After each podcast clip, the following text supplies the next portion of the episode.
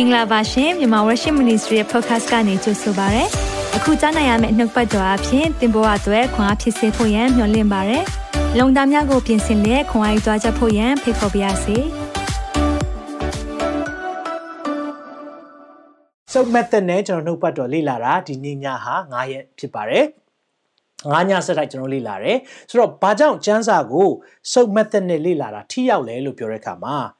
ကျွန်တော်တို့ကျမ်းစာကို ဟိုရိုးရိုးပဲဖတ်တာမဟုတ်တော့ဘူးပေါ့နော်ခါတိုင်းဆိုကျွန်တော်တို့ကစမ်းစာတစ်ခန်းကိုတစ်ရက်တစ်ခန်းဖတ်မယ်ဒါမှမဟုတ်ရင်တချို့ကတစ်ရက်ကို3ခန်းဖတ်တာရှိတယ်4ခန်းဖတ်တာရှိတယ်ဆိုတော့4ခန်းဖတ်တယ်ဆိုရင်တစ်နှစ်မှာတစ်ချိန်အနည်းဆုံးပြီးတယ်ဆိုတော့အဲ့လိုမျိုးဖတ်တဲ့ခါမှာကျွန်တော်တို့တစ်ခါလေကြတော့ဖတ်တာဖတ်သွားပြီမဲ့ကျွန်တော်တို့ခေါင်းထဲမှာရောက်တာနဲတာပေါ့ဆိုတော့ဒါကြောင့်မလို့ကျွန်တော်တို့ကအခုဖတ်တဲ့နီးရမှာကြတော့ မှတ်တဲ့နည်းဖြစ်တယ်ဆိုတော့ဘလာစာအုပ်လိုတယ်ဘောဘင်လိုတယ်ပြီးရင်ကျွန်တော်နှုတ်ပတ်တော်ထဲမှာ observation ဆိုပြီးတော့ပထမကတော့စမ်းစာရွေးလိုက်မယ်နော်ဆိုတော့ဒီညဆိုကျွန်တော်ရွေးထားတာရှင်ယာကုတ် over စာအခန်းကြီး9ကိုရွေးထားတယ်အဲ့ဒါလေးကိုကျွန်တော်တို့ရွေးလိုက်ပြီးဆိုတော့ observation ဆိုတာလေ့လာတွေ့ရှိချက်ဆိုတော့အဲ့ဒီထဲကကိုတွေ့တဲ့ဟာလေးတွေပေါ့နော်ကိုယ့်ကိုစကားပြောတဲ့အရာလေးတွေကိုယ့်ကိုသတိထားမိစေတဲ့အရာလေးတွေကိုရေးမှတ်လိုက်တယ်ပြီးကြရင်အဲ့ဒါလေးကိုကိုယ့်ဘဝနဲ့ချိန်ထိုးတယ်လက်တွေ့ဘယ်လိုကျင့်သုံးမလဲ အဲ့ဒီဟာတွေကိုလည်းခြာရေးထားတယ်เนาะဆိုတော့ပြီးရင်စုတောင်းချက်ပါကျွန်တော်တို့ခြာရေးတယ်ဆိုတော့အဲ့လိုခြာရေးတဲ့အခါမှာအရင်ကမတွေ့ဘူးတဲ့အရင်ကမကြုံဘူးတဲ့နှုတ်ပတ်တော်ဖတ်ကြားနည်းနဲ့ကျွန်တော်သိလာတယ်เนาะဆိုတော့ဒါလေးကိုပြောပြတာဖြစ်တယ်ဆိုတော့ဟုတ်ပြီဆိုတော့ဒီညမှာကျွန်တော်တို့အာဘာအကြောင်းကိုပြောမလဲဆိုရင်တော့ဒီရှင်ယာကုတ်ဩဝါစာအခန်းကြီး9ထဲမှာကျွန်တော်တွေ့ရှိချက်တယ်မနေ့ကလိုပဲကျွန်တော်ဖတ်တဲ့အခါမှာဒီနှုတ်ပတ်တော်မှာ အာအခန်းအခန်းကြီး9မှာအငယ်1ကနေ20ပေါ့နော်တွေ့တဲ့အခါမှာ၄ဘိုင်းတွေ့ရတယ်ဆိုတော့၄ဘိုင်းလို့ပြောလို့ရတယ်နော်၄ဘိုင်းတွေ့ရတယ်ဆိုတော့ဒါမျိုးကိုဘယ်လိုသိတယ်လဲ၄ဘိုင်းဘယ်လိုတွေ့လဲဆိုတော့သူ့အကြောင်းအရာဆက်ဆက်မှုနဲ့ကြည်ရတာပေါ့เนาะဆိုတော့အခု तू ကအကြောင်းအရာတစ်ခုကိုပြောလာပြီဥပမာအငယ်1ကနေ6ထဲမှာဆိုဘာအကြောင်းပြောလဲဆိုတော့လောကဗန္နာနဲ့ ကောင်းကင်ဘန္နာပေါ့နော်အဲ့လိုပုံစံမျိုးလောကမှာနေတဲ့အခါမှာကျွန်တော်တို့မလုတ်သင့်တဲ့အကြောင်းအရာလေးတွေပြောတယ်ဆိုရင်အဲ့ဒါကိုတစ်ပိုင်းခွဲထားလိုက်တယ်ပြီးကြရင်သီးခံခြင်းအကြောင်းပြောတယ်အဲ့ဒါကိုတစ်ပိုင်းခွဲထားလိုက်တယ်ပြီးကြရင်ဆုတောင်းခြင်းအကြောင်းပြောတယ်အဲ့ဒါကိုတစ်ပိုင်းခွဲထားလိုက်တယ်ပြီးကြရင်အာဒီ နောက်ဆုံးမှာပေါ့နော်တမန်တရားလမ်းကလွဲတဲ့သူတွေကိုဘလို့ပြန်ခေါ်တင်တယ်လဲဆိုတဲ့အရာလေးတွေပြောထားတယ်ဆိုတော့လေးပိုင်းတွေ့ရတယ်เนาะဆိုတော့အဲ့ဒါလေးကိုကျွန်တော်တို့အတူတကွလေ့လာရအောင်ဆိုတော့ပထမအငယ်1ကနေကျွန်တော်6မှာဗာတွေ့လဲဆိုတော့ပျက်စီးနိုင်သောလောကဗန္နာနဲ့မပျက်စီးနိုင်တဲ့လောကဗန္နာဆိုပြီးတော့ကျွန်တော်ကျွန်တော်ကိုကျွန်တော်ခေါင်းစဉ်ပေးလိုက်တာပေါ့เนาะကြီးလိုက်တဲ့အခါမှာဗာတွေ့ရလဲဆိုတော့ तू ကအချင်းတထေးတကြွယ်တို့ယခုလာကြဆိုတော့ तू ကတထေးတွေကိုပဲ အဓိကထားပြီးပြောတာတော့မဟုတ်ဘူးလောကမှာခေါင်းပုံဖြတ်တဲ့သူတွေဥမာအလုတ်သမားတွေကိုလာကလောက်လောက်ခလာကစားကောင်းကောင်းမပေးချင်တဲ့သူတွေစသဖြင့်ပေါ့နော်အဲ့ဒီသူတွေအပေါ်မှာသူကပြောနေတာပေါ့နော်ဆိုတော့အဲ့ဒါလေးကိုနားလေစေချင်တယ်အဲ့ဒီမှာကျွန်တော်ဗာတွေ့သွားလဲဆိုတော့နောက် အငယ်၃ရက်နောက်ပိုင်းကိုကြည့်ရအောင်နောက်ဆုံးသောနေ့ရက်ကာလအဖို့ဘန္နာကိုစီးဖူးကြပြီတကားတဲ့အော်တချို့တွေကအခုချိန်မှာနောက်ဆုံးသောနေ့ရက်ကာလအဖို့ဆိုတာအခုနောက်ဆုံးသောကာလတိတ်ခက်ခဲတော့မယ်နောက်ဆုံးသောကာလမှာရှားပါတော့မယ်နောက်ဆုံးတော့အခုတော့ကိုရိုနာဗိုင်းရပ်စ်ဖြစ်တော့ကျွန်တော်တို့စီမှာလေအိမ်သာသုံးဆက်ကူတော့ဝယ်လို့မရတော့လက်ဆေးတဲ့ဒီဆေးရည်တော့ဝယ်လို့မရတော့အကုန်လုံးလူတွေကဝယ်တာအဲ့တခါအဲ့ဒီမှာသတင်းထဲမှာပါလာတယ်အဲ့ဒါနဲ့ကျွန်တော်တို့အားလုံး အခုဆိုရင်ပြန်ငြိမ်သွားပြီအရင်တော့ဆိုရင်ကျွန်တော်ကြက်ဥတော်မှနှစ်ကပ်ပဲဝယ်ရမယ်စသဖြင့်တတ်မှတ်ရတယ်လူတွေကလေလောဘတွေတအားကြီးလာပြီးတော့ကိုပတ်ဆံရှိရင်ရှိတယ်လို့ဝယ်ဆိုတော့အဲ့ဒီမှာလောဘသားတယောက်ကဘာလုပ်လဲဆိုတော့သူကဆိုင်မှာလေပစ္စည်းတွေအများကြီးဝယ်ထားပြီးတော့သူကဟို online မှာပြန်ရောင်းချင်တာအော်ဈေးတင်ပြီးတော့ပြန်ရောင်းချင်တော့သူဘလောက်ထိဝယ်ထားလဲဆိုတော့အင်တာ30ကူဟိုဒီလိုအကြီးကြီးအထုပ်ပေါင်းပေါ့150လောက်ဝယ်ထား အဲ့ဒါနဲ့ကိစ္စတွေအားလုံးကပြန်ငြိမ်သွားပြီးတော့ဟိုလူတိုင်းဝယ်ချင်တယ်လို့ဝယ်လို့ရတဲ့အချိန်မှာ तू ကဘာပြန်လုပ်လဲဆိုတော့အဲ့ဒီဆိုင်ပြန်သွားပြီးတော့အဲ့ဒီဟိုအတွက်ကိုတဲ့ refund ပေါ့နော်ပတ်စံပြန်ထုတ်ချင်တယ်ရမလားလို့ပြောတော့ဆိုင်ကမန်နေဂျာအရန်စိတ်ဆိုးပြီးတော့မင်းတို့ကောင်ပြန်မပေးဘူးလို့ပြောလိုက်တာဩစတြေးလျတနိုင်ငံလုံးအာမင်ထူးကြတယ်ကောင်းတယ်တဲ့ဆိုပြောချင်တာပါလေဆိုတော့နောက်ဆုံးသောနေ့ရက်ကာလအဖို့ဘန္နာတွေစုနေကြတယ်ဘသူတွေလဲ ဒီနေ့ပတ်စံကိုစူးစမ်းရှာတယ်ငါတို့ပတ်စံရှိမှဖြစ်မယ်ငါတို့ပတ်စံနဲ့သွားမှရမယ်ဆိုပြီးတော့ဒီလိုရှာပြီးတော့ဘာရှာဖို့မိသွားလဲဆိုတော့တကယ်ယတနာကောင်းကင်ဘန္နာမပြည့်စည်နိုင်တဲ့အရာတွေကိုရှာဖို့ မိသွားတဲ့သူတွေကိုပြောတာဒီနေ့ပတ်စံရှိတာပြဿနာမဟုတ်ဘူးเนาะကျွန်တော်ပြောချင်တယ်เนาะတချို့တွေအဲ့လိုပြောလို့ယုံကြည်သူမှန်ရင်ဆင်းရဲရမယ်ဆိုကျွန်တော်အဲ့ဒါကိုလည်းလက်မခံဘူး။ဘာကြောင့်လဲဆိုတော့ ministry လုပ်တဲ့ခါမှာပဲဖြစ်ဖြစ်အမှုတော်မြတ်ထဲမှာသွားတဲ့ခါမှာလေဝေးကြီးလိုအပ်ပါတယ်။ ဘာကြောင့်လဲကျွန်တော်တို့တွေလက်တွဲဖို့တွေခေါ်တာ။ဘာကြောင့်လဲလို့ပြောတဲ့ခါမှာဖျားနိုင်ငံတော်မှာတာ၍ထိရောက်စွာလုပ်နိုင်ဖို့အခုထားပါတော့ကျွန်တော်ကဟောပြောဖို့ဖျားရဲ့ဖွင့်ပြချက်တွေရှိပါတယ်ဆိုပါစို့ကင်မရာမရှိရင်ကျွန်တော်မိတ်ဆွေဘယ်လိုပြောမလဲနော်ပြီးရင်ကျွန်တော်တို့ဒီမှာ lighting နေနော်ပြီးရင် computer တွေမရှိရင်ကျွန်တော်ဘယ်လို communicate လုပ်မလဲဒါကြောင့်မလို့ပတ်စံရှိခြင်းဥစ္စာရှိခြင်းကပြဿနာမဟုတ်ဘူးဒါပေမဲ့ဘယ်လိုသုံးဆွဲတယ်လဲဆိုတာပြဿနာဖြစ်တယ် နောက်တစ်ချို့ကငွေကြေးရှိတဲ့ခါမှာဖျားနိုင်ငံတော်အတွက်ထိရောက်စွာသုံးတဲ့သူတွေကိုဖျားကလေတာ၍ကောင်းကြီးပေးတယ်တချို့ကြတော့နောက်ဆုံးသောနေ့ရက်ကာလကိုစုထားတယ်။ဩနောက်ဆုံးပါလဲပါသွားလို့မရယူလဲယူသွားလို့မရအဲ့လိုဖြစ်မှာဆိုလို့ဒီသူတွေကိုအဲ့လိုမျိုးလူတွေကိုရှင်ရန်ကုတ်ကဆုံးမထားတာဖြစ်တယ်။ ဆိုတော့အဲ့ဒီလူတွေကိုဘာပြောလဲဆိုတော့အငယ်ငါးမှာတင်းတို့ဒီမြေကြီးပေါ်မှာကာမဂုဏ်ခံစား၍အလွန်ပျော်မွေ့ကြပြီတဲ့ကြည်အောင်ကာမဂုဏ်ဆိုတော့ကိုယ့်ရဲ့စိတ်ကြိုက်လိုချင်တဲ့အားတွေဝယ်တယ်စားချင်တဲ့ဟာတွေစားတယ်လူတွေရှေ့မှာသုံးဖြုံတယ်စသဖြင့်ပေါ့တိုက်ရသောနေ့နိုင်ကဲ့သို့မိမိနှလုံးကိုမွေးမြူကြပြီတဲ့ဟာတိုက်ရသောနေ့နိုင်ဆိုနှလုံးသားကိုမွေးထားတယ်ဆိုတာဝါပြိုးအောင်လှုပ်ထားတာပေါ့ဒါပေမဲ့အဲ့ဒီဟာတိုက်ရတဲ့နေ့ဆိုတာသိရမှာပဲအဆုံးသတ်ရှိတယ် ဖြောင့်မတ်တော်သူကိုအပြစ်စီရင်ကိုမြတ်ကြပြီသူဒီလဲသင်တို့ကိုမစီတာတဲ့ကြည့်အောင်ကျွန်တော်တခါလေကြာရင်အဲ့လိုလှုပ်ချင်းအားဖြင့်ဖြောင့်မတ်တဲ့သူတွေကိုသွားပြီးတော့ကိုမြတ်တယ်လို့ပဲတတ်တယ်လို့ပဲဖြစ်တယ်ဆိုတာအဲ့ဒီအကြောင်းလေးကိုကျွန်တော်ကဒီအငယ်1နဲ့6ထဲမှာကျွန်တော်တွေ့ရတယ်เนาะဆိုတော့မိတ်ဆွေကိုအဲ့ဒါကိုတွေးစီခြင်းတယ်ဩဒါကဒီလိုပြောသွားပါလားဒါဆိုရင်ပတ်စံရှားမလားရှားမယ်ဒါပေမဲ့ဘယ်လိုသုံးဆွဲရမလဲအဲ့ဒါအရေးကြီးတာเนาะဒါကြောင့်ကျွန်တော်ယုံကြည်တယ်ဒီနေ့မှာကျွန်တော်တို့အလုပ်စူးစမ်းတာကို အားပေးတယ်ငွေစုတာကိုအားပေးတယ်မလိုအပ်ပဲဝယ်တာကိုအားမပေးပါဘူးပြီးရင်တကယ်လိုအပ်တဲ့နေရာမှာလိုအပ်တဲ့နေရာမှာတကယ်အသုံးသင့်တဲ့နေရာမှာသုံးပါဘာကြောင့်လဲဒီမှာသုံးခဲ့တဲ့အရာဖះနိုင်ငံတော်အတွက်သုံးတဲ့အရာပဲအပေါ်ရောက်မှာကျန်တဲ့အရာကတော့အကုန်လုံးကုန်သွားမှာဒီမှာထားခဲ့ရမှာအဲကြောင့်မိတ်ဆွေကိုအဲ့ဒါကိုပြောပြချင်တယ်ဒါကြောင့်အာအချင်း the tay the joy တို့ဆိုတာချမ်းသာတဲ့သူတွေကို မကောင်းဘူးလို့ပြောတာမဟုတ်ပါဘူးเนาะဒီနေ့ချမ်းသာပြီးတော့ကာမဂုဏ်ခံစားဖို့ပဲစုဆောင်းနေတဲ့သူတွေအတွက်မကောင်းတာလို့ပြောတာဖြစ်တယ်เนาะအဲ့ဒါကိုနားလဲစေချင်တယ်เนาะဆိုတော့ဟုတ်ပြီဆိုတော့ဒါပထမအပိုင်းကျွန်တော်တွေ့ရတယ်ဒုတိယပိုင်းကျွန်တော်ဗာတွေ့လဲဆိုတော့အငယ်9ကနေဆက်နှစ်ထဲမှာစိတ်ရှိသီးခံခြင်းချောင်းပြန်ပြောပြန်ရောဆိုတော့ရှင်ယာကုတ်ကိုကြည့်လိုက်ရင်အခန်းတစ်တုန်းကလည်းစိတ်ရှိခြင်းချောင်းပြောတယ်ဘယ်လောက်ထိပြောလဲဆိုတော့အဲစုံစမ်းခြင်းအရာဟာသီးခံခြင်းကိုတိုးပွားတယ်တဲ့ အဲ့လိုမျိုးစုံစမ်းနှောက်ယှက်ခြင်းတွေကြုံလာရင်ဝမ်းမြောက်စရာအကြောင်းတက်တက်ဖြစ်တယ်လို့ထင်ပါတယ်ဟာစုံစမ်းခြင်းလာတယ်ကိုကိုလူတွေကနော်ဆိုသီးခံတယ်ဆိုတာသီးခံခြင်းအကြောင်းတွေလည်းပြောခြင်းတယ်ဆိုတော့သီးခံခြင်းကလေအလွယ်ဆုံးမှတ်ထားလိုက်ဟိုတီးတာကိုခံနေရလို့ပဲမှတ်ထားလိုက်အဲ့ဒါအကောင်းဆုံးပဲသူများတွေကိုလာတီးနေတာကိုခံလိုက်အဲ့လိုပဲသီးခံခြင်းဆိုတာလေတကယ်တော့လေကိုမှန်တယ်ဆိုလဲလာပြောတာတော့ကိုမှန်တယ်ဆိုတာလဲအနောက်မှာကိုကပြောလိုက်တာတခုဒါပေမဲ့ သူတို့ဘာသာပြန်ပေးလိုက်တာတခုနော်စားလိုက်တော့ကားသွားတယ်မှတ်မိတယ်နော်ကျွန်တော်ပြောတဲ့အတိုင်းပဲဆိုတော့အဲ့လိုမျိုးတွေကြုံတဲ့အခါမှာကျွန်တော်ဘာလုပ်မလဲဒီမှာဘာပြောလဲဆိုတော့ကျွန်တော်အဲ့ဒီမှာတွေ့တဲ့အခါမှာခုနှစ်ကနေကျွန်တော်ပြောပြချင်တယ်ထို့ကြောင့်ညီကိုတို့သခင်ဖျားကြွလာတော်မူသည့်တိုင်အောင်သီးခံလဲစောင့်နေကြလောဩသခင်ဖျားကြွလာတဲ့နေ့တိုင်အောင်ဒါဆိုရင်သီးခံတာတစ်ချိန်ပဲလား နှစ်ချိန်ပဲလား။အမငါနင့်ကိုတော်တော်သီးခံတာကြာပြီနော်။အဲ့လိုလား။ဒါမှမဟုတ်ရင်ဘယ်ချိန်ထိသီးခံရမလဲ။သခင်ဖျားကြွလာတော်မူသည့်တိုင်အောင် rapture မလာမချင်းချီဆောင်ချင်းမလာမချင်းကိုရောပြန်မလာမချင်းသီးခံပါယုံကြည်သူများသီးခံဖို့ပြောတယ်နော်ဆိုတော့အကယ်၍လေလုတ်တော်သူသည်အရင်မိုးနောင်မိုးကိုရသည့်တိုင်အောင်အဖိုးထိုက်တော်မြေသီးနိုင်ကိုသီးခံ၍စောင့်နေရသည်ကိုမျှော်လင့်တတ်၏တဲ့ ပြောချင်တာကဘာလဲဆိုတော့အသီးပွင့်ရဖို့ဆိုတာအရင်မိုးနောင်မိုးဆိုတာဣသရေလနိုင်ငံမှာဆိုရင်မိုးနှမိုးရွာတာပေါ့နော်ဆိုတော့အဲ့လိုရွာတဲ့အခါမှာအရင်မိုးရွာတယ်သူတို့အမှစိုက်တယ်ပြီးရင်နောင်မိုးရွာတယ်အဲ့ဒီအရာကနေဘာရလဲဆိုတော့ဒီမှာသူပြောတဲ့အတိုင်းပဲအဖိုးထိုက်တဲ့မြေရဲ့အသီးနှံရတယ်ပြောချင်တာကဘယ်အရာမဆိုကျွန်တော်တို့ကစိုက်ပြူရတယ်နော်စိုက်ပြူရတယ်ဒါပေမဲ့မိုးရွာသလိုပဲဖခင်ရဲ့ဝိညာဉ်တော်ကလည်းကျွန်တော်တို့ကိုမာစားတယ်။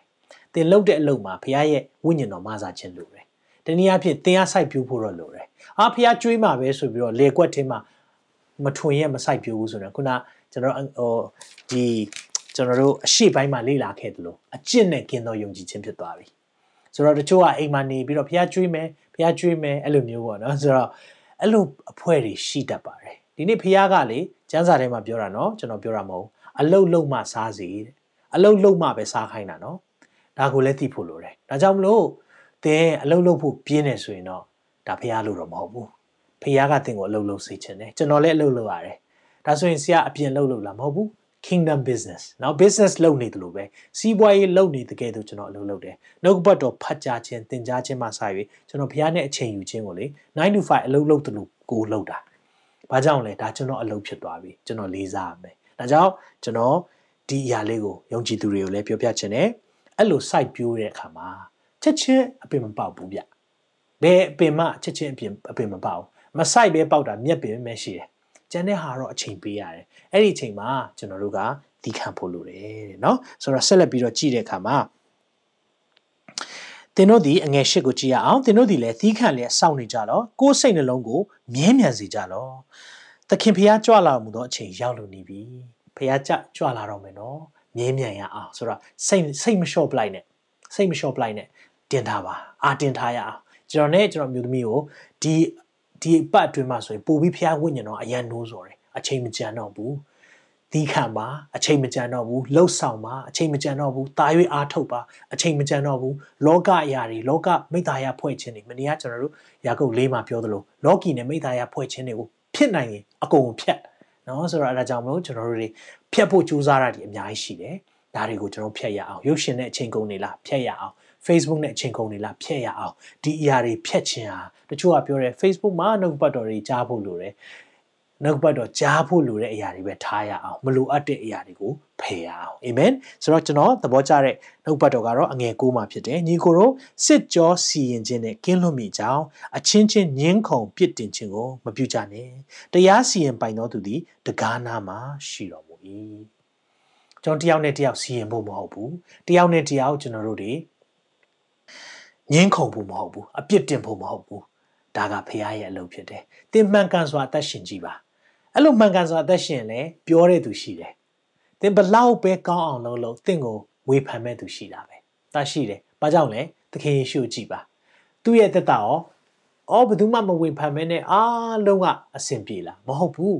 ကားစဉ်ပေါ်မှာတတ်တဲ့အထီတောင်မုန်းတယ်ဒါဆိုယေရှုမှားတာလို့လားမလုပ်ဘူးဒါပေမဲ့မုန်းခံရလားမုန်းခံရတယ်မှတ်ထားပါမိတ်ဆွေသင်အလင်းလင်းလေလူတွေကမျက်စိစပွမွေးဆူးတယ်သင်အလင်းလင်းပြီဆိုရင်လေမကြည့်ချင်ဘူးသင်ရဲ့အလင်းကိုငြိမ်ပေးချင်တယ်ဒါလူတွေရဲ့အလုပ်ပဲဝမ်းနေဖို့ကောင်းတာအဲ့ထဲမှာယုံကြည်သူလို့ပြောတဲ့သူတွေပါနေတယ်အဲ့ဒါဝမ်းနေဖို့သိကောင်းတယ်ယုံကြည်သူလို့ပြောပြီးတော့ ဘာကြောင့်ဒီလိုတွေရှိတာလဲတကယ်တော့လေစက်ပြမသုံးလို့စုပ် method နဲ့နှုတ်ပတ်တော်မလေ့လာလို့ဖခင်ရဲ့နှလုံးသားကိုနားမလည်လို့ဒီလိုနားလဲတယ်ဆိုရင်ငါဘလောက်မာနကြီးလဲငါရဲ့အသက်တာဘလောက်ပြုပြင်ဖို့လို့လဲကိုကိုကိုပဲစစ်ကြောသွားတာဒါကြောင့်မလို့သူများအောင်မစေရအောင်ဖခင်ရဲ့စီရင်ခြင်းကိုပဲအခွင့်ပေးရအောင်အာမင်ဆိုတော့ဒီအရာကိုတွေ့ရတယ်နောက်ပြီးရင်ဘာနဲ့နှိုင်းထားလဲဆိုတော့အငယ်တစ်ဆင်မှာငါညီကိုတို့ ထာဝရဘုရား၏နာမတော်ကိုအမိပြု၍ဟောပြောသော prophet တို့သည်ဆင်းရဲဒုက္ခတွေ့ခြင်းတိခတ်ခြင်း၏ပုံသက်တွေကိုပြုကြပြီဟုမှတ်ကြလော prophet တွေကိုလည်းပြောနေတာပဲသူတို့လည်းဒီလိုပဲခံခဲ့ရတာပဲမဟုတ်ဘူးလားဒါကြောင့်ကျွန်တော်တို့စိတ်ရှိတိခတ်ခြင်းအကြောင်းကိုအငယ်ခွန်ကနေ7မှာတွေ့ရတယ်အာမင်ဒါကိုယောဘရဲ့အသက်တာနဲ့လည်းသူနှိုင်းထားတယ်เนาะကြည့်တဲ့အခါမှာဖျားကိုယ်တိုင်ယေရှုကိုယ်တိုင်တော့မှဒါတွေကြုံခဲ့ရတာမိတ်ဆွေနဲ့ကျွန်တော်ကြုံတာလုံးဝမဆန်အောင်ဒါကြောင့် တီးခံပါเนาะတီးခံတယ်ဆိုတာဗာလဲသူများတီးတာကိုခံဖို့ဖြစ်တယ်เนาะဆိုတော့တခါလေတော့ခံရခဲ့တယ်เนาะဒါပေမဲ့လည်းကိစ္စမရှိဘူးသခင်လည်းခံသွားတယ် prophet တွေလည်းခံသွားတယ်ဒါကြောင့်ဒါမဲ့တခုတော့ရှိတယ်เนาะကိုမှန်တာမလုပ်လို့သူများတီးတာတော့အဲ့ဒါတော့ဖះကြိုက်တဲ့တီးခံခြင်းမဟုတ်ဘူးเนาะဖះအတွက်အလုပ်လုပ်တယ်စိတ်နှလုံးကောင်းထားတယ်အကောင်းဆုံးကြိုးစားတယ်တွင်တင်တယ်လူတွေကို လူတွေကိုဆုံးမတယ် အဲ့ဒီအချိန်မှာပြောလာပြီဆိုရင်တော့ဒါ prophet တွေခံသွားတဲ့အရာတူတူပဲเนาะဒါကြောင့်မလို့တင်မင်္ဂလာရှိတယ်အာမင်ဒါကိုကျွန်တော်အငယ်ခုနဲ့ဆက်နှစ်ကြားမှာတွေ့ရတယ်ဟုတ်ပြီเนาะကျွန်တော်နှစ်ပိုင်းသွားပြီးပြီเนาะလို့ဆိုတော့ကျွန်တော်၄ပိုင်းတွေ့တယ်ဆိုတော့အဲ့ဒီမှာဆက်နှစ်မှာဆိုရင်တော့ဒီ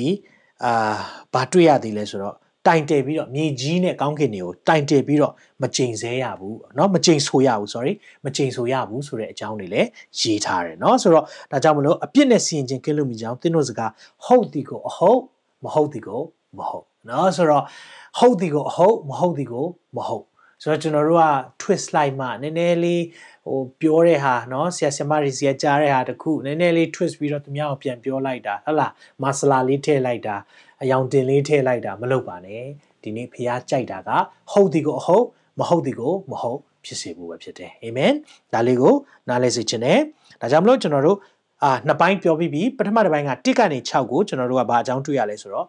အာလောကီဘန္နာနဲ့ကောင်းကင်ဘန္နာခွဲခြားပြီးသိဖို့တွေ့ရတယ်ခုနှစ်ကနေ7နှစ်ကြာမှာတော့တီးခံခြင်းအကြောင်းနဲ့ကိုယ့်ရဲ့အသက်တာမှာဘုရားအသက်ရှင်စေလို့ရဟုတ်တဲ့ဟာကိုဟုတ်တယ်လို့ပြောရအောင်မဟုတ်တာမဟုတ်ဘူးလို့ဝန်ခံတဲ့ သူတွေဖြစ်ဖို့လိုတယ်အာမင်ဆိုတော့နောက်ပြီးရင်နောက်တစ်ပိုင်းကြည့်ရအောင်အဲ့ဒါကဘာလဲဆိုတော့ကျွန်တော်73ကနေ78မှာတွေ့တဲ့အခါမှာအဲ့ဒါကြလဲဆူတောင်းခြင်းဆိုင်ရာတွေပြန်တွေ့ရပြန်ရောဆိုတော့ယာကုတ်ထဲမှာဆူတောင်းခြင်းနဲ့ပတ်သက်ပြီးတော့ကျွန်တော်အဓိကတွေ့တဲ့နေရာနှစ်နေရာတွေ့ရတယ်เนาะအခန်းကြီး1တုန်းကလည်းကျွန်တော်တို့အငယ်9 6ခွန်8မှာလည်းကျွန်တော်ဆူတောင်းခြင်းအကြောင်းတွေ့ရတယ်ထိုနည်း၎င်းပဲအခုဒီအခန်းကြီး9ရဲ့ 73ကနေ78မှာလည်းဆူတောင်းခြင်းအကြောင်းတွေ့ရတယ်အဲ့ဒီမှာတော့မှကျွန်တော်ကလေးမျိုးတွေ့ရတယ်ပထမတစ်ခုကျတော့ဖျားနာသူတွေကိုဘယ်လိုဆူတောင်းပေးမလဲတဲ့သင်အုပ်ဆရာကနေဆူတောင်းပေးဖို့လိုတယ်ပြီးရင်စီလူပြီးတော့ဆူတောင်းပေးပါတဲ့ဒီမှာပြောတာနော်လူနာကိုစီနဲ့လူရည်သူ့အပေါ်မှာဆူတောင်းကြစေထို့သောပြုလင်ယုံကြည်ခြင်းပထနာသည်လူနာကိုကယ်ဆယ်၍ဖျားသခင်သည်သူ့ကိုထမြောက်စေတော်မူမည်သူသည်အပြစ်ပြုမိတော်လဲဩထိုအပြစ် ကိုလွတ်တော်မူမည်တဲ့ကြည်အပြစ်ရှိတယ်ဆိုရင်တော့မှစီလူပြီးတော့ဆူတောင်းတယ်ဆိုရင်အပြစ်လွတ်မယ်အဲ့လိုပြောထားတယ်အဲ့တော့ပြီးရင်နောက်တစ်ချက်ထဲမှာပဲ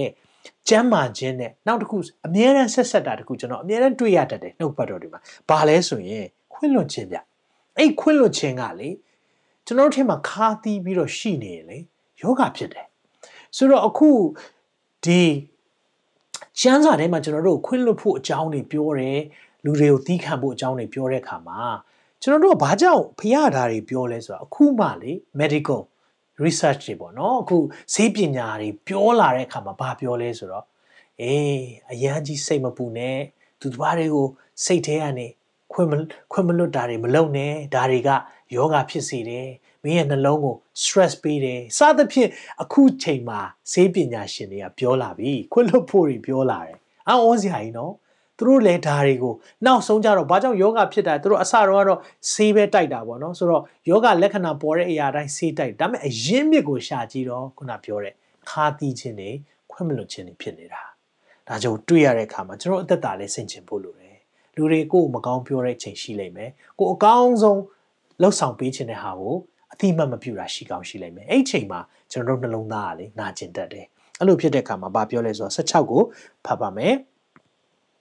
အချင်းချင်းတယောက်နဲ့တယောက်ကိုယ့်အဖြစ်ကိုဖော်ပြတောင်းပန်ကြလောချမ်းသာရမည်အကြောင်းအချင်းချင်းအဖို့ဆုတောင်းကြလောသူတော်ကောင်းဆုတောင်း၍အရှင်ကြီးသောပထနာသည်အလွန်တကူပါ၏ဟောကျွန်တော်တို့ကသူတော်ကောင်းဆုတောင်းပေးမယ်တကူပါတယ်အမှန်အဲ့သူတော်ကောင်းကဘာလို့လဲဆိုတော့အချင်းချင်းတယောက်ကိုတယောက်အပြစ်ဖော်ပြတောင်းပန်နိုင်တဲ့သူကိုသူတော်ကောင်းလို့သတ်မှတ်တာအော်ဆရာကြီးနော်ဆိုတော့အဲ့ဒါလေးတွေနှုတ်ပတ်တော်ထဲမှာလွတ်ဝက်ချက်လေးတွေတွေ့လာတယ် ဆိုတော့သူတော်ကောင်းလို့ပြောတဲ့ခါမှာအော်ဘယ်သူလဲမသိဘူးတကယ်တော့သူတော်ကောင်းကမမားတတ်တာမဟုတ်ဗျမှားတတ်တယ်ပြောမှားတတ်တယ်ဒါပေမဲ့အပြစ်ကိုတယောက်နဲ့တယောက်ဖော်ပြတောင်းပန်ရဲတဲ့သူအဲ့ဒီသူတွေဆုတောင်းပေးတဲ့ခါမှာတကိုးအရှိန်သိတ်ကြီးတယ်เนาะဒါကြောင့်မလို့ဖျားနာသူအတွက်ဆုတောင်းပေးဖို့လိုသလိုခွင့်လွတ်ခြင်းနဲ့တယောက်နဲ့တယောက်ဖော်ပြတောင်းပန်ပြီးတော့ဆုတောင်းဖို့လည်းလိုတယ်เนาะနောက်ပြီးရင်ကျွန်တော်တို့ယာဒီဥတုအကြောင်းနဲ့လည်းတွေ့ရတယ်အဲ့ဒီမှာအေလိယက မိုးမရွာဖို့ဆူတောင်းတဲ့ခါမှာ၃နှစ်ခွဲမိုးမရွာဘူးတဲ့ပြန်ဆူတောင်းတဲ့ခါမှာမိုးပြန်ရွာတယ်ကြည်အောင်တော့ဆိုတော့ဘာတွေ့ရလဲဆိုတော့တိုင်းနိုင်ငံတွေပါတင့်ရဲ့ဆူတောင်းခြင်းဟာထိရောက်မှုရှိတယ်တိုင်းနိုင်ငံတွေပါတင့်ရဲ့ဆူတောင်းခြင်းကတုံ့လှုပ်နိုင်တယ်ရိုက်ခတ်ချက်ရှိတယ်ရာသီဥတုပုံမှာလည်းဆူတောင်းလို့ရတယ်ဆိုတာကျွန်တော်တွေ့ရတယ်နော်ဒါကြောင့်မလို့ဒီလိုလေးတွေဖတ်တဲ့ခါကျတော့ဩ73ကနေ78က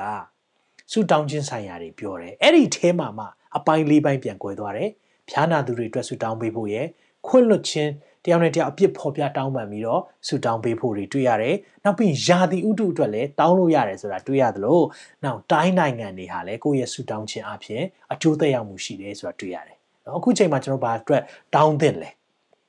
ဒီချိန်မှာဆိုရင်ဒီချိန်မှာဆိုရင်တော့အခုအဓိကယုံနေဖြစ်နေတဲ့အရာတွေမငြိမ်သက်မှုတွေဖြစ်နေတဲ့အရာတွေ เนาะအခုနိုင်ငံတနိုင်ငံတနိုင်ငံကူးဆက်နေပြီ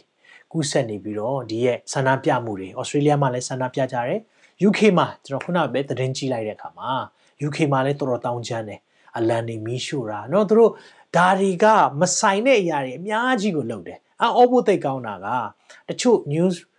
တွေကမဖော်ပြတဲ့အရာကိုကျွန်တော် CBN News မှာဗာသွားတွေ့လဲဆိုတော့အဲ့ဒီဆန္ဒပြမဲ့နေရာနားမှာအုတ်ခဲတွေလာစီထားပေးတယ်။ဘာသဘောလဲ။ မကျေနပ်ရင်အုတ်ခဲယူပြီးတော့ထူပေါ့။ပြီးတော့အဲ့ဆန္ဒပြတဲ့လူတွေကိုကျွေးမွေးတဲ့အဖွဲ့တွေလည်းရှိရဗျ။ဒါဆိုတော့သူတို့ funded ပေါ့နော်။သူတို့ဒီအရာတွေအတွက်ကို funding ငွေကြေးထောက်ပံ့ပေးတဲ့အဖွဲ့တွေလည်းရှိနေတယ်။ဒါတွေကိုဖြစ်စေချင်တဲ့လူတွေကရှိနေတယ်နောက်ွယ်မှာ။အစတော့ဒီရဲကဒီလူမဲတယောက်ပေါ်မှာဒူးသွားထောက်လိုက်တာပေါ့နော်သူမြေကြီးမှာလှဲနေတဲ့အရာကိုလေဘင်းပေါ်မှာသွားပြီးတော့ အသက်ရှူလမ်းကြောင်းကိုပိတ်တယ်လို့သွားလှုပ်တဲ့အခါမှာဒါလုံးဝမတရားမှုပါအဲ့ဒါကိုကျွန်တော်အားမပေးပါဘူးအဲ့ဒါအဲ့ဒါအဲ့ဒါကောင်းတယ်လို့ပြောတာမဟုတ်ပါဘူးအဲ့ဒီဟာကလုံးဝမသိတော်တဲ့ကိစ္စဖြစ်တယ်ဒါပေမဲ့အဲ့ဒီ officer ကိုသူတို့အရေးယူပြီးပြီးနောက်ပြီးရင်သူ့ကိုတရားစွဲဖို့လုပ်ငန်းတွေလုပ်ပြီးပြီးအဲ့ဒီနေ့မှာပါတဲ့တခြား၃ယောက်ပေါ့အားလုံး၄ယောက်ကိုတော့တရားစွဲတယ်နော်ဆိုတော့ခုတရားစွဲတယ်တယောက်ဆိုရင် तू ကသူ့ရဲ့အလုပ်လုပ်တာဒါပထမဦးဆုံးအပတ်ပဲရှိသေးတယ်ကြည့်အောင်နော်အဲ့ဒီရဲလေးလည်းပါနေ ဆိုတော့ဒီလိုမျိုးအချိန်မှာသွားကြုံတဲ့အခါမှာဒါတွေကိုမတရားမှုတွေတွေ့တာမှန်တယ်ဒါမဲ့ခုနပြောတဲ့ဒီမှာ coronavirus နဲ့အိမ်တွေထဲမှာပိတ်လောင်ပြီးတော့လူတွေကနေရတဲ့ဟာကိုလေမကျေနပ်တဲ့အခါမှာဖောက်ထွက်ဖို့နီလန်းစတွေရှာတဲ့အခါမှာဒီအဖြစ်ဖြစ်ဖြစ်လာတော့လုံးဝသူတို့တွေကဒါကိုအသုံးချတယ်เนาะနောက်ပြီးရင်ဖြက်လို့ဖြက်စီးလို့တာအခုဆန္ဒပြရင်ပြပါဒါပေမဲ့ဘာလို့စိုင်တွေကိုဖောက်ပြီးတော့ခိုးတာလဲအဲ့ဒါတွေကတော့ လုံးဝကိုကျင့်တရား moral လုံးဝဖြောင့်မမှန်ကန်ခြင်းနဲ့အသက်ရှင်တာမဟုတ်ဘူးဒါဆိုရင်သူတို့ပြောတဲ့တရားတရား justice เนาะသူတို့တရားချင်းလိုချင်တယ်ဆိုတာတကယ်လားတကယ်တော့မဟုတ်ဘူးဒါဘန်းပြတာဆိုတော့ဒီအခွင့်အရေးတွေကိုစောင့်နေတဲ့လူတချို့လည်းရှိတယ်ဒီလိုအချိန်မှာကျွန်တော်တို့တိုင်းနိုင်ငံတိုင်းနိုင်ငံတွေအတွက်အထူးဆုတောင်းပေးဖို့ဖြစ်တယ်။ American သမ္မတအတွက်အထူးဆုတောင်းပေးဖို့ဖြစ်တယ်။ဘာကြောင့်လဲ။ဖခင်ကလေသူ့အလုပ်လုပ်စီတဲ့သူဖြစ်နေတယ် เนาะဒါကိုကျွန်တော်တို့သိဖို့လိုတယ်ကျွန်တော်မှနိုင်ငံရေးဟိုနဲ့ပတ်သက်ပြီးတော့အများကြီးမသိပေမဲ့တခုတော့သိတယ်နိုင်ငံရေးတိုင်းကဝိညာဉ်ရေးရတယ်အများနဲ့ဆက်ဆံမှုရှိတယ်ဆိုတော့1900နဲ့မှ60ခွန်เนาะဆိုတော့နောက်ရက်မှာပြောမယ့်အကြောင်းတရားတစ်ခုပြောပြမယ်1960ခွန်မှာယေရုရှလင်မြို့ကိုဣသရေလနိုင်ငံကပြန်ပြီးတော့ရတဲ့နေ့ဖြစ်တယ်6ရက်စစ်ပွဲပေါ့နော်အဲ့ဒါပြီးတော့နှစ်ပေါင်း90ကြာဆိုတော့90ပေါင်းလိုက်တော့2000နဲ့မှ10ခွန် 2019မှာပါရလေဒီလားယေရုရှလင်မြို့ကိုဣသရေလနိုင်ငံရဲ့မြို့တော်ဆိုပြီးတော့သတ်မှတ်ပေးတာဘာလို့လဲဆိုတော့ President US President Donald Trump ဖြစ်တယ်ဆိုတော့ဖျားရဲ့အလိုတော်ပြည့်စုံစေတဲ့သူတွေဖြစ်တယ်ဆိုတော့သူဒီနောက်လျှောက်မှာအများကြီးလှုပ်ဖို့ရှိသေးတယ်ဆိုတော့ဒါကြောင့်မလို့ဒီဟာကိုဖျက်လို့ဖျက်စီးလုပ်တဲ့စာတန်ရဲ့လုပ်ရက်တွေရှိနေတယ်ဒါကြောင့်တိုင်းနိုင်ငံတွေကျွန်တော်ဆူတောင်းပေးရမယ်ပြီးရင်ခုဆို Israel ရဲ့ Prime Minister BB လို့ခေါ်တယ်နော် BB Benjamin Netanyahu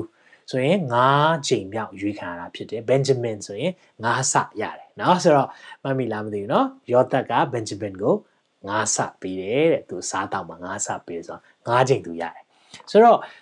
ဘန်ဂျမင်က9ချိန်ရတာဟုတ်တယ်ဒါပေမဲ့အခုဘာလာလဲဆိုတော့အာဂရီလိုက်စားတာတို့ခြစားမှုတွေရှိတယ်ဆိုပြီးတော့အရင်တုန်းကဟိုအခြေမြင့်မရှိတဲ့သတင်းတွေပြန်ပေါ်လာပြန်ရောပြန်တိုက်ခိုက်ပြန်ရောဒါတွေတွေ့တဲ့ခါမှာ ယုံကြည်သူတွေဆူတောင်းပေးပါယုံကြည်သူတွေရဲ့ဆူတောင်းခြင်းနော်သိရေးကြည့်တယ်ဒါကြောင့်တိုင်းနိုင်ငံတွေအတွက်ဂျားခံဆူတောင်းခြင်းလိုအပ်ပါတယ်ဆရာရဲ့ကိုမိသားစုအတွက်တောင်မနှဲဆူတောင်းတာတဲဆူတောင်းဖို့လိုတာလေဘာကြောင့်အဆင်မပြေလဲဆိုတော့ဆူမတောင်းလို့ကျွန်တော်တောက်လျှောက်ပြောပြီးပြီ you have not because you ask not သင်ဘာကြောင့်မရလဲဆိုတော့မတောင်းလို့တောင်းတော့လဲကာမဂုဏ်ခံစားမှုအလွဲတောင်းလို့မရပြန်ဘူးတဲ့နော်ရှင်ယာကိုကကျွန်တော်တို့တဲ့ပဲဆိုတာနော် ဒါကြောင့်မလို့ကျွန်တော်ဆူတောင်းပေးဖို့လိုတယ်ဒါလေးကိုသိချင်တယ်နောက်ပြီးရင်နောက်ဆုံးပိုင်းလေးเนาะဒီအပိုင်းကတော့နောက်ဆုံးအာအပိုင်းငယ်နှစ်ခုကိုပြောပြချင်တယ်ဒီဥစ္စာကိုကျွန်တော်သိချရှင်းပြချင်တယ်ဘာကြောင့်လဲလို့ပြောတဲ့အခါမှာဒီဟာကရုပ်တရက်ကြည့်လိုက်ရင်တော့ဩကျမ်းပိုက်နှစ်ပိုက်ပဲဒါပေမဲ့တိတ်လေးနဲ့တယ်တိတ်လေးနဲ့တယ်เนาะဆိုတော့အငယ်16နဲ့20ကျွန်တော်ဖတ်ပြမယ် ညီကိုတို့သင်တို့တွင်တစုံတစ်ယောက်သောသူသည်တမာတရားလမ်းမှလွဲသွား၍သူတစ်ပါးသည်ထိုသူကို ပြန်စေလင်မူကားအပြစ်ရှိသောသူကိုမှားယွင်းသောလမ်းမှပြန်စီသောသူသည်ဝိညာဉ်ကိုသိချင်းမှကယ်တင်၍များစွာသောအပြစ်တို့ကိုဖုံးအုပ်တတ်သည်ဟုထိုသူသည်သိမှတ်ကြစေတဲ့ဆိုတော့အင်္ဂလိပ်လိုကြည့်တဲ့အခါမှာ restore restoring wandering believer တဲ့ဆိုတော့လမ်းပြောက်နေတဲ့ယုံကြည်သူတွေကိုပြန်ပြီးတော့တမန်တရားလမ်းဆွဲခေါ်တာတဲ့ဆိုတော့အဲ့ဒါလေးကတိတ်ရေးကြည့်ရနော်ဆိုတော့ယုံကြည်သူတွေလမ်းပြောက်တတ်လားတမန်တရားလမ်း ပျောက်တာပေါ့ပျောက်လို့ပဲဒီမှာရေးထားတာလေဆိုတော့ယုံကြည်သူတွေတမန်တရားလမ်းကပျောက်သွားတဲ့လူတွေရှိတယ်အဲ့ဒီလူတွေကိုတဲ့အပြစ်ရှိတဲ့နေရာကနေပြန်ပြီးခေါ်ရဲဆိုတာသူ့ကိုတဲ့သူ့ဝိညာဉ်ကိုသေခြင်းကနေကယ်တင်တာတယ်နော်။အော်ဒီချက်ကိုကြည့်တဲ့အခါမှာယုံကြည်သူတွေ best life ဖြစ်တာတွေဝိညာဉ်သေခြင်းဖြစ်နေတယ်။အဲ့ဒီဝိညာဉ်သေခြင်းကနေ ပြန်ဆွဲခေါ်ဖို့လိုတယ်။ဒီနေ့ကျွန်တော်ဘာလို့ online မှာဟောလဲ။တချို့ဒီနေ့ကြည့်ခြင်းအပြင်ကိုယ်ဝိညာဉ်ထဲမှာပြန်ပြီးနိုးထခြင်းဖြစ်လာဖို့ဖြစ်တယ်။သင်ဖျားနဲ့ဝေးတယ်လို့ခံစားရတဲ့သူတွေနော်မနေ့ကဆိုရင်ညီမငယ်တယောက်ကအဲ့လိုပြောတဲ့ခါမှာချက်ချင်းတောင်းတရပါဘုရားရှိခိုးမှာကျွန်တော်အမြဲခွန်အားပေးတဲ့ခါမှာဘာကိုပြောချင်တာလဲဒီလိုလှုပ်တဲ့သူတွေဟာတဲ့ဘာဘာပြောလဲဆိုတော့အဲ့ဒီမှာထိုသူတွေအပြစ်တို့ကိုဖုံးအုပ်တတ်တယ်တဲ့ များစွာသောအဖြစ်တွေကိုဖုံးအုပ်ပေးတဲ့သူနဲ့တူတယ်တဲ့ဒါကြောင့်မိတ်ဆွေကိုခွာပေးခြင်းတယ်တင်ကိုယ်တိုင် best life မဖြစ်ဘူးတင်ကိုယ်တိုင်တမန်တရားလမ်းကမလွဲတဲ့သူဖြစ်ရင်တော့မှဘာလုပ်ဖို့လို့လဲဆိုတော့တမန်တရားလမ်းကလွဲသွားတဲ့ယုံကြည်သူတွေရှိတတ်တယ်အဲ့ဒီယုံကြည်သူတွေကိုပြန်ဆွဲခေါ်ဖို့ဖြစ်တယ်ဒါအသိရေးကြီးတယ်နော်ဒါကြောင့်မလို့တစ်ခါလီမှာကျွန်တော်တွင်တင်ချက်တွေကကြီးတဲ့ခါမှာဟာငါတို့အဲ့ဒါကစီရင်ခြင်းမဟုတ်ပြန်ဘူးတော့ဒီမှာဆိုမစီရင်ရမစီရင်ရအမြဲပြောတယ်နော် ရှင်ရကုတ်ကြီးကမစီရင်ဖို့မစီရင်ဖို့ပြောတယ်ဒါမဲ့ဒီမှာကြတော့တမန်တရားလမ်းကလွဲတဲ့သူကြပြန်ဆွဲခေါ်ပါလို့ပြောတယ်ဩဒါကြတော့စီရင်ခြင်းမဟုတ်ဘူးသူ့ဝင့်ကျင်ကိုကယ်တင်ခြင်းဖြစ်တာဒါကြောင့်ကျွန်တော်တို့ကအေးအေးတယောက်တွေ့လားဘုရားเจ้าလည်းမရောက်တော့အဲ့လိုမဟုတ်ဘူးเนาะဆိုတော့အေးတည်တယ်ထင်ပြီးသားနှစ်ချင်းခံကြရအောင်လေပြောချင်နေတာမဟုတ်ဘူးနော်မိတ်ဆွေအဲ့လိုမျိုးနဲ့ကျွန်တော်တို့ကအဲ့ဒါကစီရင်ခြင်းဖြစ်သွားတယ်ဆိုတော့ तू ကဘုရားเจ้าမလာတော့ဘူး ဒါမှမဟုတ်ရင်တမန်တရားလမ်းတရားလွဲပြီးမိခါရတွေမှာညော့နေလာပြီဆိုသူတို့ဘာဖြစ်တယ်လဲအဲ့ဒါသိဖို့လိုတယ်မပါချင်တာတော့တပိုင်းပေါ့နော်သူကသူရွေးချယ်ပြီးတော့မလာချင်တော့ဘူးဆိုတဲ့အဖွဲ့တွေလည်းရှိတတ်တယ်အဲ့ဒီအဖွဲ့ကတော့တပိုင်းပေါ့ဒါပေမဲ့ရှိနေတဲ့တန်လန်းနဲ့မလာတော့ဘူးဆိုရင်ကျွန်တော်တို့ကအဲ့ဒီတမန်တရားလမ်းကနေလွဲနေပြီလားဆိုတာကိုလေအမြဲတမ်းဂရုထားဖို့လိုတယ်သူ့ကိုသတိထားမိဖို့လိုတယ်ဒါကိုပြောပြချင်တာဖြစ်တယ်ဒါကြောင့်မလို့ restoring wandering believers ဆိုတော့လမ်းပြောက်ပြီးတော့ wander လုပ်နေတယ်ဆိုတော့ရှောက်သွားနေတဲ့ယုံကြည်သူတွေရှိတယ်တဲ့အဲ့ဒီယုံကြည်သူတွေကိုဘာလုပ်ဖို့လိုလဲဆိုတော့မှားယွင်းသောလမ်းကနေပြန်စီတဲ့သူဖြစ်ရမယ်ကျွန်တော်တို့ကအာမင်ပြီးရင်သူ့ဝိညာဉ်ကိုသေခြင်းမှာကယ်တင်တာဖြစ်တယ်တဲ့နော်ဒါကြောင့်သူ့ရဲ့ဝိညာဉ်ကိုကယ်တင်ဖို့လိုတယ်ဒါဆိုဒီတိုင်းပဲလွတ်ထားရဲဆိုရောသူ့ဝိညာဉ်သိမှာပေါ့ဒါဆိုရင်ကျွန်တော်တို့ကဘာနားလဲရမလဲ ကယ်တင်ခြင်းကယ်တင်ခြင်းဆိုတဲ့အရာကိုကောင်းကောင်းအလေးထားဖို့လိုတယ်တချို့လူတွေကျွန်တော်တို့ကသွန်သင်ချက်တွေအများကြီးရှိတာပေါ့နော်ချိုတွေကလည်းအေးငါဘာလုပ်လို့ဖះခွင့်လွတ်တယ်ဆိုတဲ့အဖွဲ့တွေရှိတယ်အဲ့ဒီအဖွဲ့တွေလမ်းပြောင်းနေရင်သင်ကယ်တင်ပေးဖို့လိုတယ်ကဲသင်ကယ်တင်ပေးလို့ပြောတဲ့အခါမှာလမ်းပြန်လမ်းမှန်ပြန်ပြပေးဖို့လိုတယ်အဲ့ဒီလူတွေကိုပြန်ဖိတ်ခေါ်ပေးဖို့လိုတယ်ဖះသင်ကိုချစ်တယ် ဖះခွန်အားနဲ့သင်ရှောက်လန်းရအောင်ပြန်ဆွဲခေါ်ဖို့လိုတယ်အာမင်ဒါလေးကိုတွေးတဲ့အခါမှာအော်ဘူးကောင်းတယ်ရှင်ယာကုတ်ကငါးခန်းလုံးမှာနောက်ဆုံးမှာအဲ့ဒီဟာလေးကိုထည့်ထားပေးတယ်ဆိုတော့ကျွန်တော်ကြည့်တဲ့အခါမှာဒါတိုက်ဆိုင်မှုတော့မဟုတ်ဘူးဗျသူအဲ့ဒါလေးကိုထည့်ထားတာကအကြောင်းရှိတယ်နော်ဒါကြောင့်ကျွန်တော်ဒါကိုတွေးတဲ့အခါမှာတမာတရားလမ်းကလွဲတဲ့သူတွေဘယ်နှယောက်ရှိပြီလဲရှိနေပြီဆိုရင်ဒီနေ့မှာပြန်လာပါအကယ်၍သင်ကျွန်တော်ရဲ့ live ကိုကြည့်ခြင်းအဖြစ်အော်ငါအခုချိန်မှာ တမန်တရားလမ်းကလွဲနေတယ်လို့ခံစားရတယ်ဝိညာဉ်သေးတယ်လို့ခံစားရတယ်ဆိုရင်ဒီနေ့ပြန်လာပါပျောက်တော်သားပျောက်တော်သမီးတွေပြန်လာမယ့်အချိန်ကိုအိမ်ကအဖစောင့်နေတယ်ဒါမဲ့အဖကလိုက်မခေါ်ဘူးဘာလို့လဲသားဖြစ်ပြီးသားမလို့လိုက်မခေါ်ဘူးဒါမဲ့အဲ့ဒီသားကလေဒုက္ခအရန်ရောက်တဲ့ခါမှာဝက်စာစားခံနေကြမှာအဖကိုတရိရတယ်မိတ်ဆွေလောကမှာလေဝက်စာစားတဲ့အဆင့်တော့မသွားတော့နဲ့ ပြောချင်တာလုံးဝအောက်ခြေထိကျသွားတဲ့အဆင့်ထိစောင့်စရာမလိုတော့ဘူးအဖရင်ပြန်လာတနည်းအားဖြင့်အဖရဲ့မေတ္တာထဲမှာပြန်လာဖို့လိုတယ်သင်အဲ့ဒီမေတ္တာနဲ့ထိတွေ့ဖို့ကျွန်တော်ဒီနေရာကနေပြောပြချင်တယ်ဘာကြောင့်လဲဆိုတော့ဘုရားသင်ကိုသိချစ်တာဒီနေ့ဒီအစီအစဉ်တွေကျွန်တော်ဘာကြောင့်လုပ်လဲဘုရားရဲ့မေတ္တာကိုပြောပြချင်လို့ဖြစ်တယ်သင်အကယ်၍ဒီ9ရက်မှာပါတယ်ကောင်းတယ်ဒါမှမဟုတ်ဒီနေ့မှပါဖြစ်တယ် ကြည်ဖြစ်တဲ့အခါမှာအခုလေးမှရောက်လာတယ်ဒါပေမဲ့သင်သိတယ်သင်နှလုံးသားထဲမှာတခုခုကသင်ကိုဒါကြည်ဖို့နိုးစော်ရဲဆိုရင်တခြားကြောင့်မဟုတ်ဘူးဖျားမြတ်တာဖြစ်တယ်။တန်ရှင်သောဝိညာဉ်တော်ကသင်ကိုစကားပြောနေတာဖြစ်တယ်။ငါသားဒီချိန်ချိန်တန်ပြီ it's time it's time to come back home အိမ်ပြန်လာဖို့အချိန်ဖြစ်ပြီငါသမီး it's time to come back home အိမ်ပြန်လာဖို့အချိန်ဖြစ်ပြီ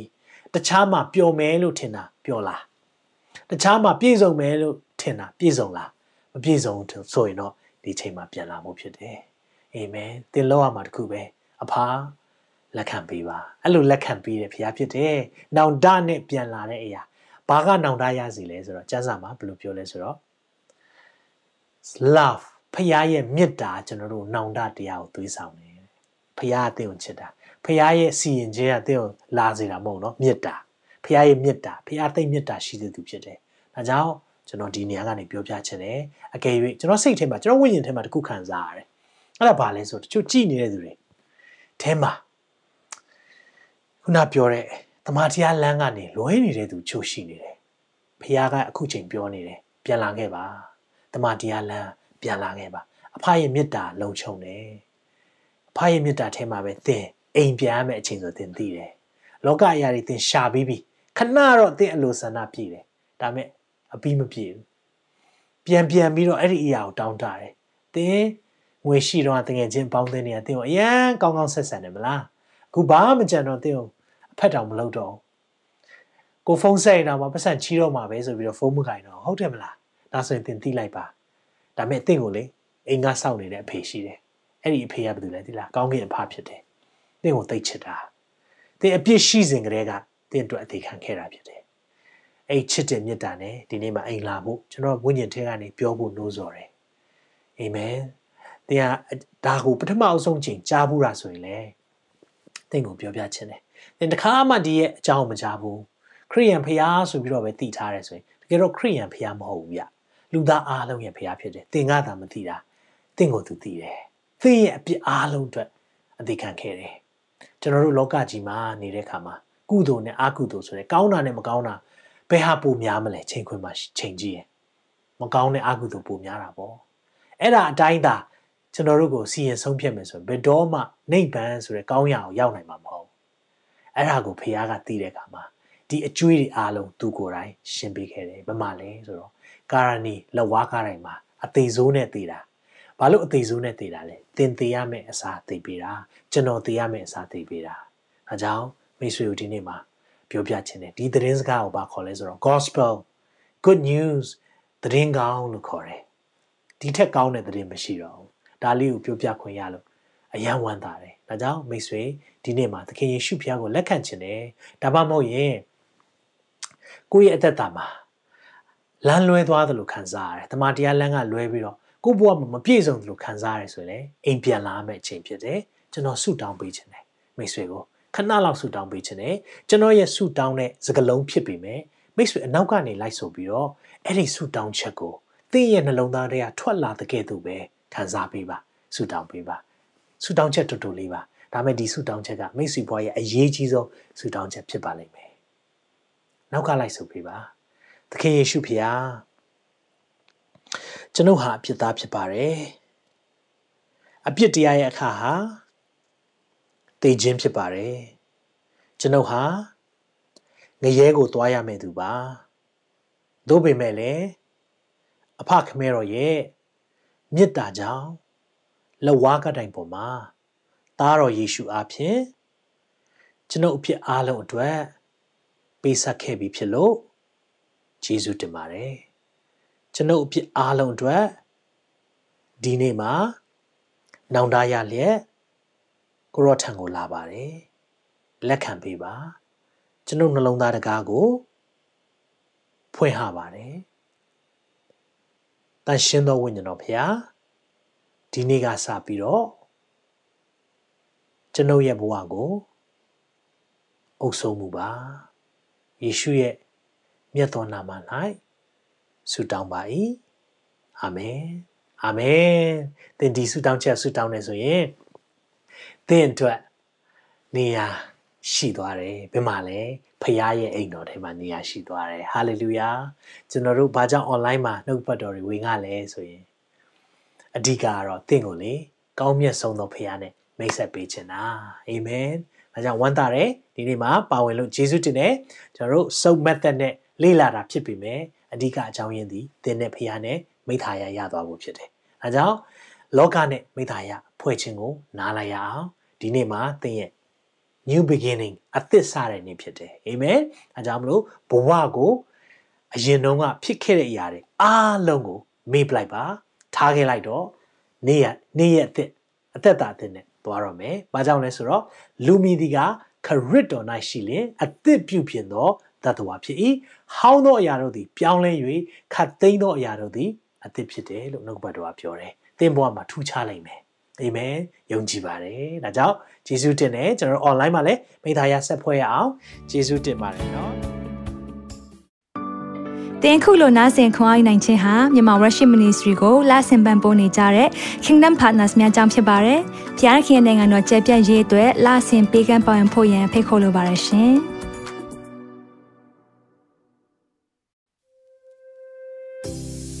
ခုကြားနာခဲ့ရတဲ့နှုတ်ပတ်တော်အဖြစ်ခွန်အားရရှိမဲ့လို့ယုံကြည်မျှော်လင့်ပါတယ်။ခွန်အားရဆိုလို့ရှိရင်ဒီတစ်ပတ်နဲ့ပြန်လည်ဝင်မြပေးဖို့ရန်တောင်းဆိုပါရစေ။မြန်မာ Worship Ministry ရဲ့ website myanmarworship.com ကိုလည်းလာရောက်လေ့လာဖို့ရန်တွဲဖိတ်ခေါ်ချင်ပါတယ်။တချိန်ထဲမှာမြန်မာ Worship Ministry ရဲ့ social media platform များဖြစ်တဲ့မြန်မာ Worship YouTube Channel, မြန်မာ Worship Facebook Page နဲ့မြန်မာ Worship Instagram များကိုလည်းလာရောက်လေ့လာဖို့ရန်တွဲဖိတ်ခေါ်ချင်ပါတယ်။နောက်တစ်ချိန်မှာပြန်လည်ဆုံတွေ့ကြပါစို့။ဖျားရှင်ကောင်းကြီးပေးပါစေ။